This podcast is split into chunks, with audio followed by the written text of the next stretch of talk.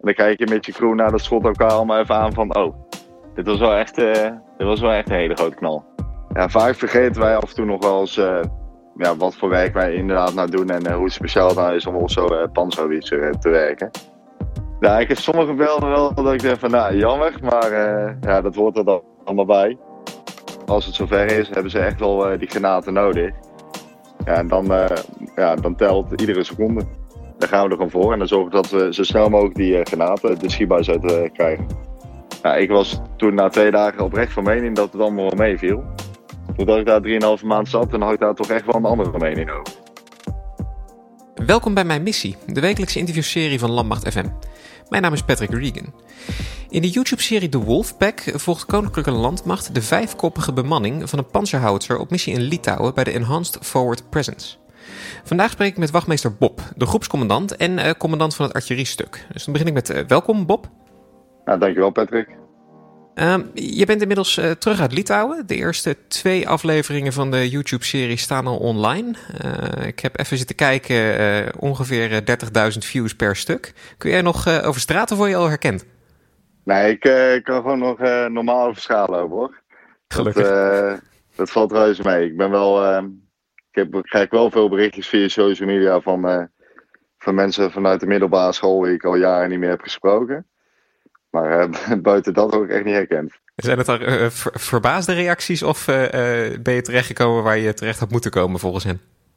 Ja, dat, het laatste wat je zegt. En inderdaad ook gewoon heel veel positieve reacties. En ze vinden het leuk dat ik nu iets doe wat ik, ja, waar ik van geniet. Tof. Hey, voordat we zo meteen echt naar de, naar de serie gaan kijken. Um, jouw groep is, uh, is nu terug uit, uh, uit Litouwen. Um, voordat we daar heel diep op inzoomen. Hoe lang zijn jullie daar geweest? Ja, we zijn een kleine 3,5 maanden in uh, totaal, in totaliteit geweest. 3,5 maanden. En wanneer ben je teruggekomen? Als ik niet lieg, is dat 23 april geweest. Ja, 23 april. Jullie, uh, jullie zijn met de panzerhouwitser die kant op gegaan. Uh, wordt vaak omschreven als het grootste geschut van de landmacht. Uh, nu heb ik vorige aflevering heb ik met uh, major Jacob Veenstra gesproken van het kenniscentrum Archerie. Daar heb ik al flink ingezoomd op wat het wapen nou eigenlijk kan. Maar mm -hmm. jij bent stukscommandant. En dan ben ik dus heel benieuwd um, naar jouw rol en de bemanning zelf. Want hoe het er nou echt in dat ding aan toe gaat, dat hebben we nog niet echt kunnen, kunnen bespreken. Nou, Um, nou, mijn rol eigenlijk in, in, heel de, in heel het Howitzer uh, verhaal. Ik ben natuurlijk uh, commandant.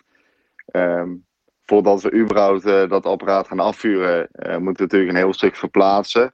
Nog allemaal bepaalde tactische bewegingen erbij. Uh, nou, daar draag ik zorg voor dat mijn, mijn zich gewoon goed gedraagt binnen het peloton.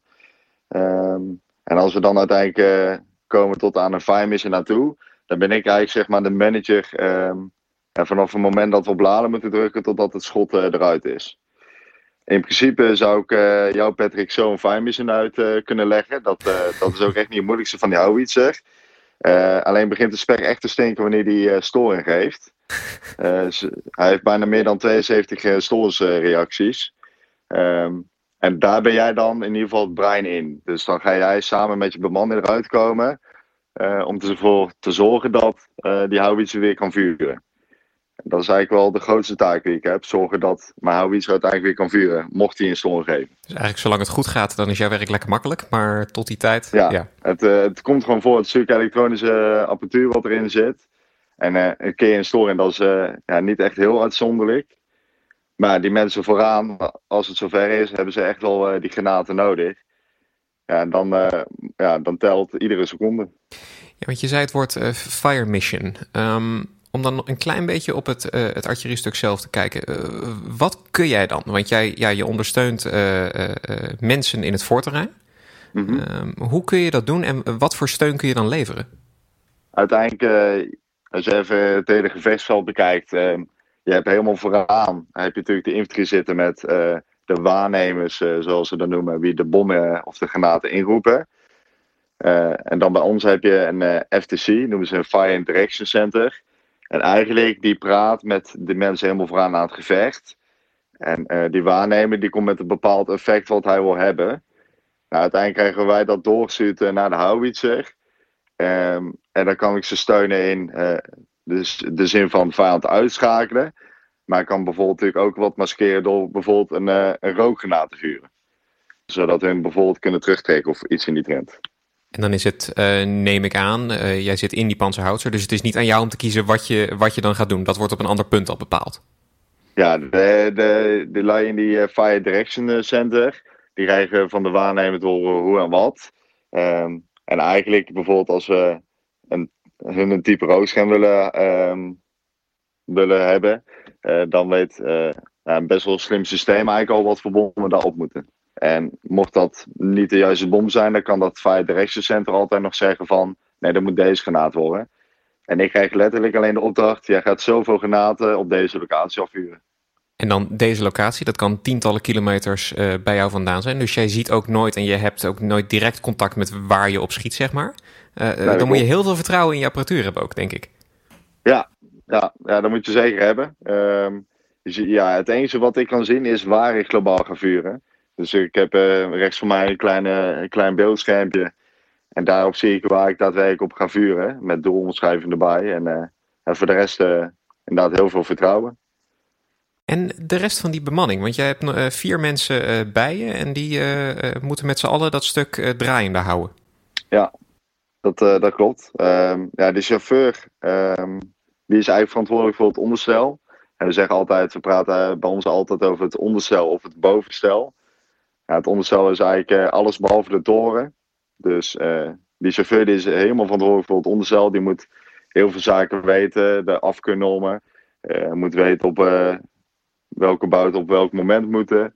en als er iets mis mee is, dan is hij ook de eerste die ernaar gaat kijken.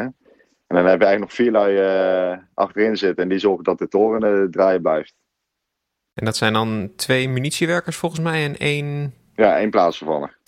En uh, waarom heb je vier mensen achterin nodig? Ik bedoel, ik heb uh, één keer in een simulator achterin eens kunnen kijken hoe dat ding in zijn werk gaat. Maar er, er gebeurt heel veel uh, vanzelf eigenlijk. Of er gaat heel veel mechanisch gebeurt er daar binnen. Dus ja. waarom dan vier mensen? Dat zijn echt heel veel scenario's die ik nu kan omschrijven dat we echt die vier lui nodig hebben. Natuurlijk, als we al een storing hebben, dan is het af en toe fijn natuurlijk om met twee mensen die granaten van het daadwerkelijk magazijn naar achter, ja, naar de torenvloer te halen. Een uh, van die vier lui, dat is een machtschutter. Dus die staat bovenuit achter een zet maar een soort mitrailleur. Die houdt ja, rondom de beveiliging rondom de panzerhouwitser. De ene, de andere munitiewerker, die, die doet zeg maar zakken kruid. Dat noemen we ook wel caduce achter de granaat. Want anders gaat de houwitser natuurlijk niet afvuren. Hm. ik ben dan natuurlijk de commandant. Ik moet zorgen dat we van punt A naar B komen. Um, en als dat dan nog niet genoeg is, hebben we natuurlijk ook nog de plaatsvervanger. Uh, die heeft zeg maar een soort uh, joystickje voor zich en een bepaalde scherm waar hij doorheen kan kijken. Uh, want het kan ook zomaar zijn dat we onszelf zouden moeten verdedigen. En dan schieten we dus zeg maar net zoals een tank gewoon recht vooruit. En dan heb je bijvoorbeeld dus al die vier lui nodig. Ja, we hebben het nu iedere keer over vijf man in die panzerhoutser. Jijzelf, jij bent 22. Ehm, en je hebt de verantwoordelijkheid eigenlijk over dat hele stuk op jouw schouders. Voel je je daar op je gemak bij? Of uh, ja, ik voel me daar uh, onderhand wel zeker op mijn gemak bij. Um, dat is in het begin natuurlijk wel even wennen. Um, weet je, toen was ik 21 toen ik uh, bij de eenheid kwam. En dan kun je natuurlijk wel op gokken dat het grote deel aantal van de lui en vooral je plaatsvervanger wel ouder is dan jou. en dat, um, ja, dat, daar moet je op een goede en volwassen manier mee omgaan. En vaak krijg je te horen als jij als 21-jarige uh, paraat wil komen bij Defensie als onderofficier, uh, dat dat niet zo'n goed idee is.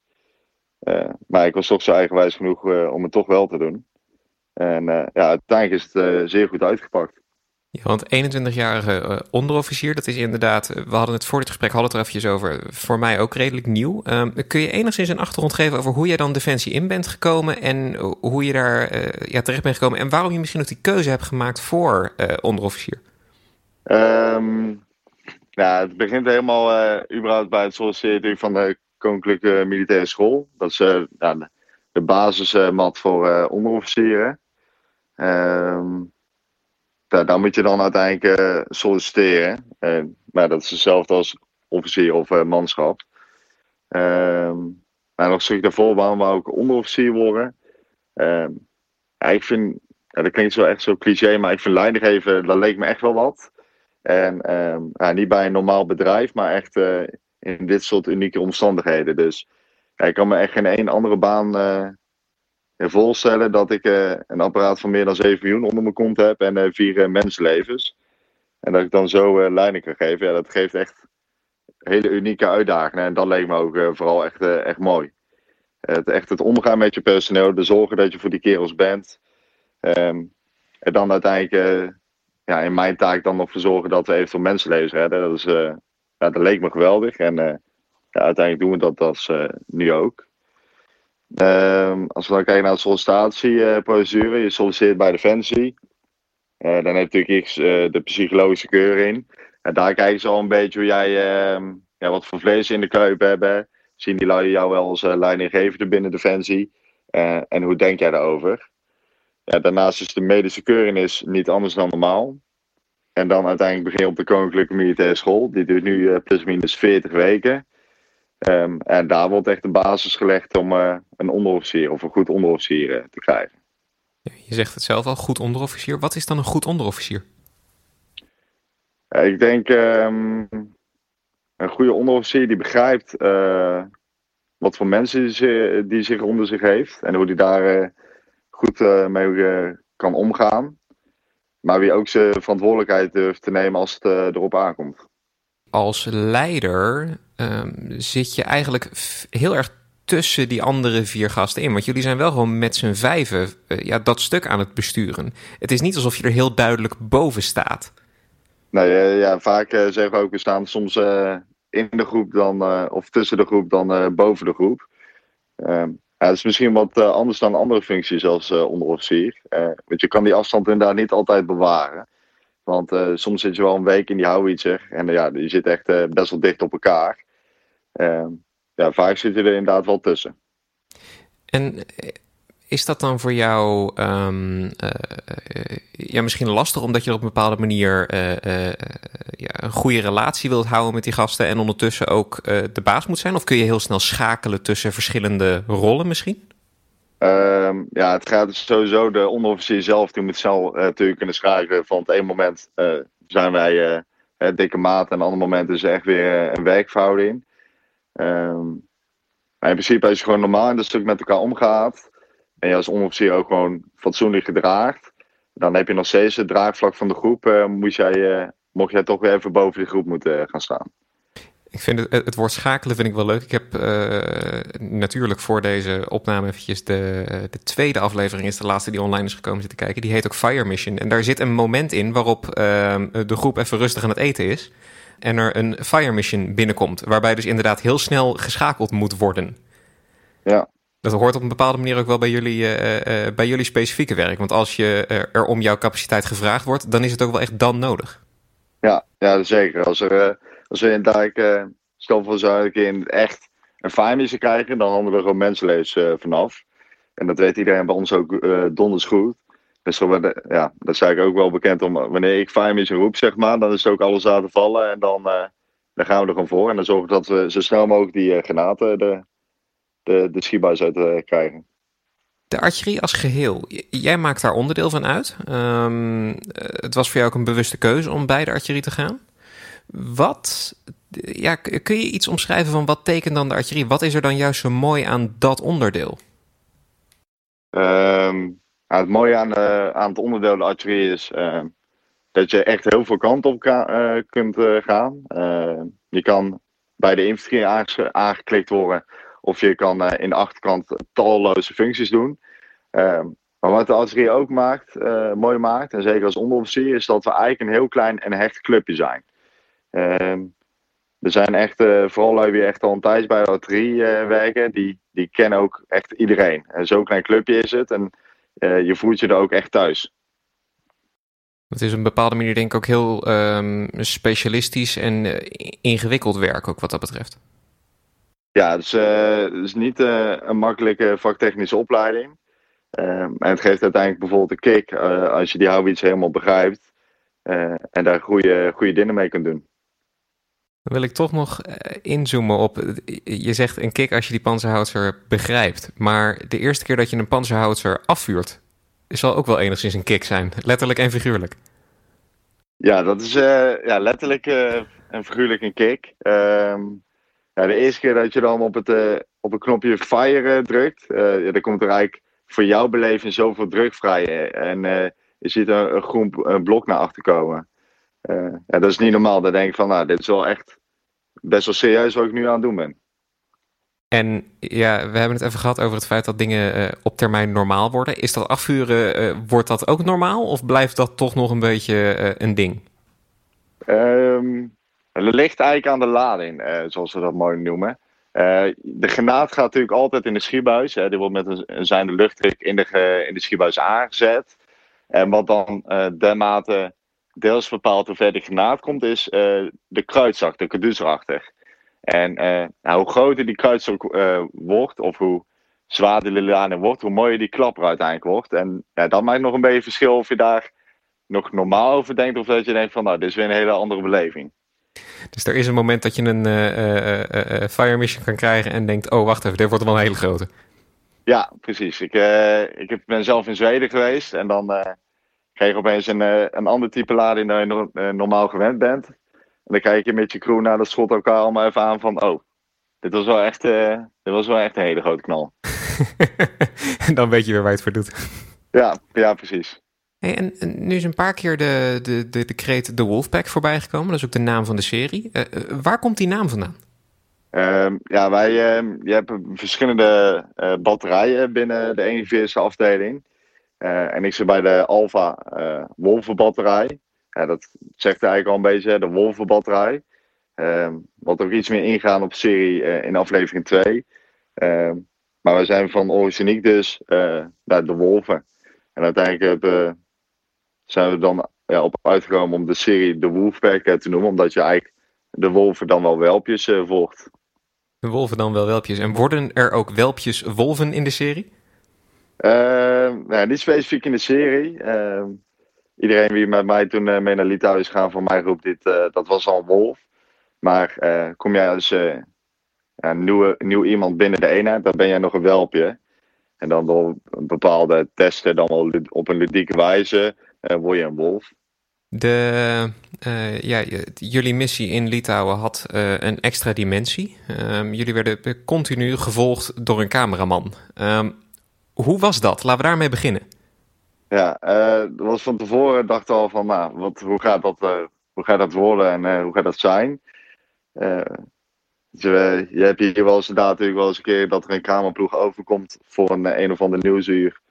Um, en dat gaat dan soms uh, goed of uh, soms uh, wat minder boeiant. Ehm, wij, hadden, wij werden gevolgd door Richard en ja, dat viel echt reuze mee. We hadden allemaal hadden echt wel een idee hoe het zou gaan. maar Richard, wie ons dan volgde, dat was echt een hele ontspannen, ontspannen man. Ehm, en in het begin is natuurlijk nog even wennen dat die camera überhaupt er is, want dat zit natuurlijk niet in je systeem. maar op een gegeven moment ben je er ook aan gewend en dan vergeet je als het ware die camera. Dus dan zie ik op een gegeven moment beelden terug. En dan wist ik niet eens dat uh, ja, Richard daar stond, bijvoorbeeld. Dat is heel apart. Heb je dan ook spijt van beelden die je terugziet? Ja, ik heb sommige beelden wel dat ik denk van, nou, jammer. Maar uh, ja, dat hoort er dan allemaal bij. We zijn onder ons, jij en ik. Er luistert niemand mee hiernaar. Laten we die illusie vooral ophouden. hoeveel heb je nou geacteerd in die serie? ja, dat valt reuze mee. Dat komt echt nog wel een keer terug in aflevering 5. Uh, zien we dan wel tegen die tijd ja, hoe dat eruit gaat zien. Maar het, het, is echt niet vanuit een wervingscampagne. Dus we mochten doen zoals wij wouden doen. Er gaan gewoon dingen stuk in die houwitser. Ehm, we hebben bijvoorbeeld af en toe niet evenveel munitie. Ehm, het is allemaal niet zo heel geacteerd. Ehm, soms zijn de antwoorden niet meer heel relevant. Bijvoorbeeld, ik ben bijvoorbeeld twee dagen toen ik daar was, zei ik, ja, het eten valt reuze mee. Ik doe, EFP wordt al eh, jaren door Nederland eh, gedraaid en uh, je hoort er super slecht nieuws over. Ja, ik was toen na twee dagen oprecht van mening dat het allemaal wel meeviel. Totdat ik daar 3,5 maand zat, en had ik daar toch echt wel een andere mening over.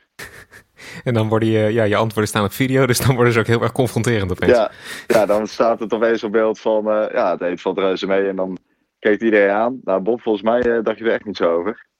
Nou, ik vond het ook wel mooi om te zien in die, in die serie tot nog toe dan. Um, je, ziet, je krijgt echt een inkijkje in hoe het voor jullie op missie is. Ik bedoel, de bijna openingsscène van de tweede aflevering is hoe jullie uh, s ochtends opstaan. Uh, we zien hoe jullie s'avonds met z'n, met z'n allen lopen te gamen. Uh, hoe er drones door de hal heen vliegen. Allemaal van dat soort zaken komen ook allemaal, allemaal voorbij. Is dat... Um, voelt het niet een klein beetje ook als een soort invasie van je privacy... dat er iemand zover heeft meegekeken? Ja, ik ben natuurlijk niet zo vaak... ja, ik had geen PlayStation of geen drone, dus daar is natuurlijk niet zoveel gefilmd. Ehm, maar we hadden altijd heel duidelijk de afspraak uh, met Richard. Als wij, uh, als wij ergens niet gewenst van waren, uh, of we wouden het echt niet op dat moment, of we zien de beelden daarna en het bevalt niet, dan kun je altijd nog nee zeggen en dan komt het gewoon niet in de aflevering. en tot zover is eigenlijk altijd goed met ons gecommuniceerd wanneer en waar de camera erbij was. en zou dat op bij voorbaan niet mogen bevallen, dan konden we dat ook wel aangeven. Dus ik heb het niet zo echt ervaren als uh, dat mijn privacy echt uh, ja, geïnvadeerd werd. Dan kan ik me ook wel voorstellen dat op het moment dat je inderdaad zulke afspraken goed maakt, dat het ook juist maakt dat de, uh, het eindresultaat een veel mooiere weergave is van wat er nou eigenlijk gebeurt. Dat het gewoon een hele eerlijke voorstelling is van hoe zo'n missie in Litouwen dan is. Ja, het is, ja, het is eigenlijk zoals ik hiervoor zo, zei, het is echt niet geacteerd. die leggen even gewoon eerlijke antwoorden. Ehm, en je gaat het nog echt wel eh, meemaken in een, uh, bijvoorbeeld een aflevering 5. Uh, eh, dan zijn we gewoon echt heel eerlijk hoe het af en toe gaat ja, binnen Defensie. Hey, heb jij een, een, een, favoriete scène of een favoriete deel waar je op, waar je op terugkijkt? Ja, ehm, aflevering 3. ja, dan gaan we de oefening Wolfram doen. Dat is eigenlijk een oefening die centraal staat voor de fysieke en mentale prikkels. Uh, dan worden we eigenlijk ook weer even uit die houwitsen gehaald. Dan uh, gaan we echt als uh, infanterie zijnde optreden. optreden. er staat op een gegeven moment, vragen op het laatst wat wij van de oefening vonden. En dan zie je mij tussen de groep zitten en rondkijken en schreeuwen. En dat vond ik zelf wel mooi, want dat is ja, een beetje echt het kale onderofficier. tussen de midden in de groep en schreeuwen en rammend voorwaarts gaan. De, de serie wordt nu door, nou ik zei het er straks al, tienduizenden mensen bekeken. Um, ik vind dat soort momenten, het moment dat je dan ook um, de commentaren leest en ziet dat mensen het echt heel tof vinden om uh, zo'n inkijkje te krijgen. Het geeft misschien ook wel een mooie ja, reminder van dat het werk wat je doet eigenlijk best wel bijzonder is. En dat heel veel mensen er echt naar kijken van wauw, dat is wel gaaf. Ja. ja. ja, vaak vergeten wij af en toe nog wel eens uh, ja, wat voor werk wij inderdaad nou doen en uh, hoe speciaal het nou is om op zo'n uh, panzerhouwitser te werken. Inderdaad, als menig mensen naar kijken, die denkt inderdaad, ah, dat, dat ziet er wel, ja, wel gaaf uit. Um, maar hoe langer je ook bijvoorbeeld op een, een uh, werkt, hoe normaler het voor de, de persoon in kwestie wordt. Ik weet niet of jij ooit uh, nou iets hebt gezien, Patrick, van dichtbij. Ik heb hem van dichtbij gezien. Het eerste wat ik dacht toen ik hem zag was... wauw, wat is dit voor een gigantische boot. Een uh, vier tonner vrachtwagen die over de straat en rijdt, is er niks bij. Ja, ja, dat klopt. Maar dat dachten wij ook allemaal in het begin toen we natuurlijk... Uh, nou, kwamen met de houwitsen. Maar hoe die erop werkt, lijkt dat apparaat ja, steeds kleiner te worden. En het wordt eigenlijk allemaal steeds normaler. we hebben ook wel eens een relatiedag gehad. En dan komen je, je relaties of familieleden komen langs. En dan heb je inderdaad even een eh, reality check van... Oh, dat apparaat is eigenlijk inderdaad niet zo normaal en best wel groot. Maar hoe langer het werkt, uh, ja, hoe normaler het wordt. En dat je dat eigenlijk een beetje uit het, het oog verliest. Nu ben jij uh, teruggekomen van, uit Litouwen. het is natuurlijk een rare situatie met corona. Maar als we dat even in onze fantasie links laten liggen. Dus zo'n missie is voorbij. Je komt terug. Eh, wat ga je dan doen? Ga je je dan voorbereiden op een volgende uh, oefening, op een volgende uitzending? Op, hoe werkt dat? Um, nou, in principe kom je dan natuurlijk terug. Het, uh, het eerste waar iedereen dan met zijn kop zit is om eigenlijk weer een keer los familie of een vriendin te gaan. nou, dan heb je ja, plus minus twee weken verlof en daarna dan ga je eigenlijk alle normale zaken alweer oppakken. Um, en uiteindelijk zou je dan weer uit gaan kijken naar de volgende oefening. Wie gewoon weer gepland staat in het, in dit jaar rooster. Dan gaat het weer gewoon door zoals normaal en dan ben je filmster af en dan gaan we weer gewoon normaal werk doen. Ja, dan uh, is het einde, einde movie en dan uh, gaan we inderdaad gewoon weer, uh, weer voorwaarts. Onwijs bedankt voor het luisteren. Mijn gast vandaag was wachtmeester Bob. Ben je nou fan van de show? Help ons door een review achter te laten op Apple Podcasts of Stitcher. Of raad de show aan bij vrienden, familie, collega's. En ben je nou benieuwd naar een onderwerp dat wij moeten behandelen? Tweet dan met de hashtag Mijn Missie of stuur ons een bericht op Facebook of Instagram. Mijn Missie is een productie van de Koninklijke Landmacht. Nieuwe afleveringen komen iedere maandagochtend online en je vindt ze in de meeste podcastspelers. Gewoon zoeken op Mijn Missie. Abonneer je en mis geen enkele aflevering. Je volgt de Koninklijke Landmacht via Twitter, Instagram, Facebook en YouTube en check defensie.nl voor het laatste nieuws rondom de krijgsmacht. Nogmaals, onwijs bedankt voor het luisteren en tot volgende week.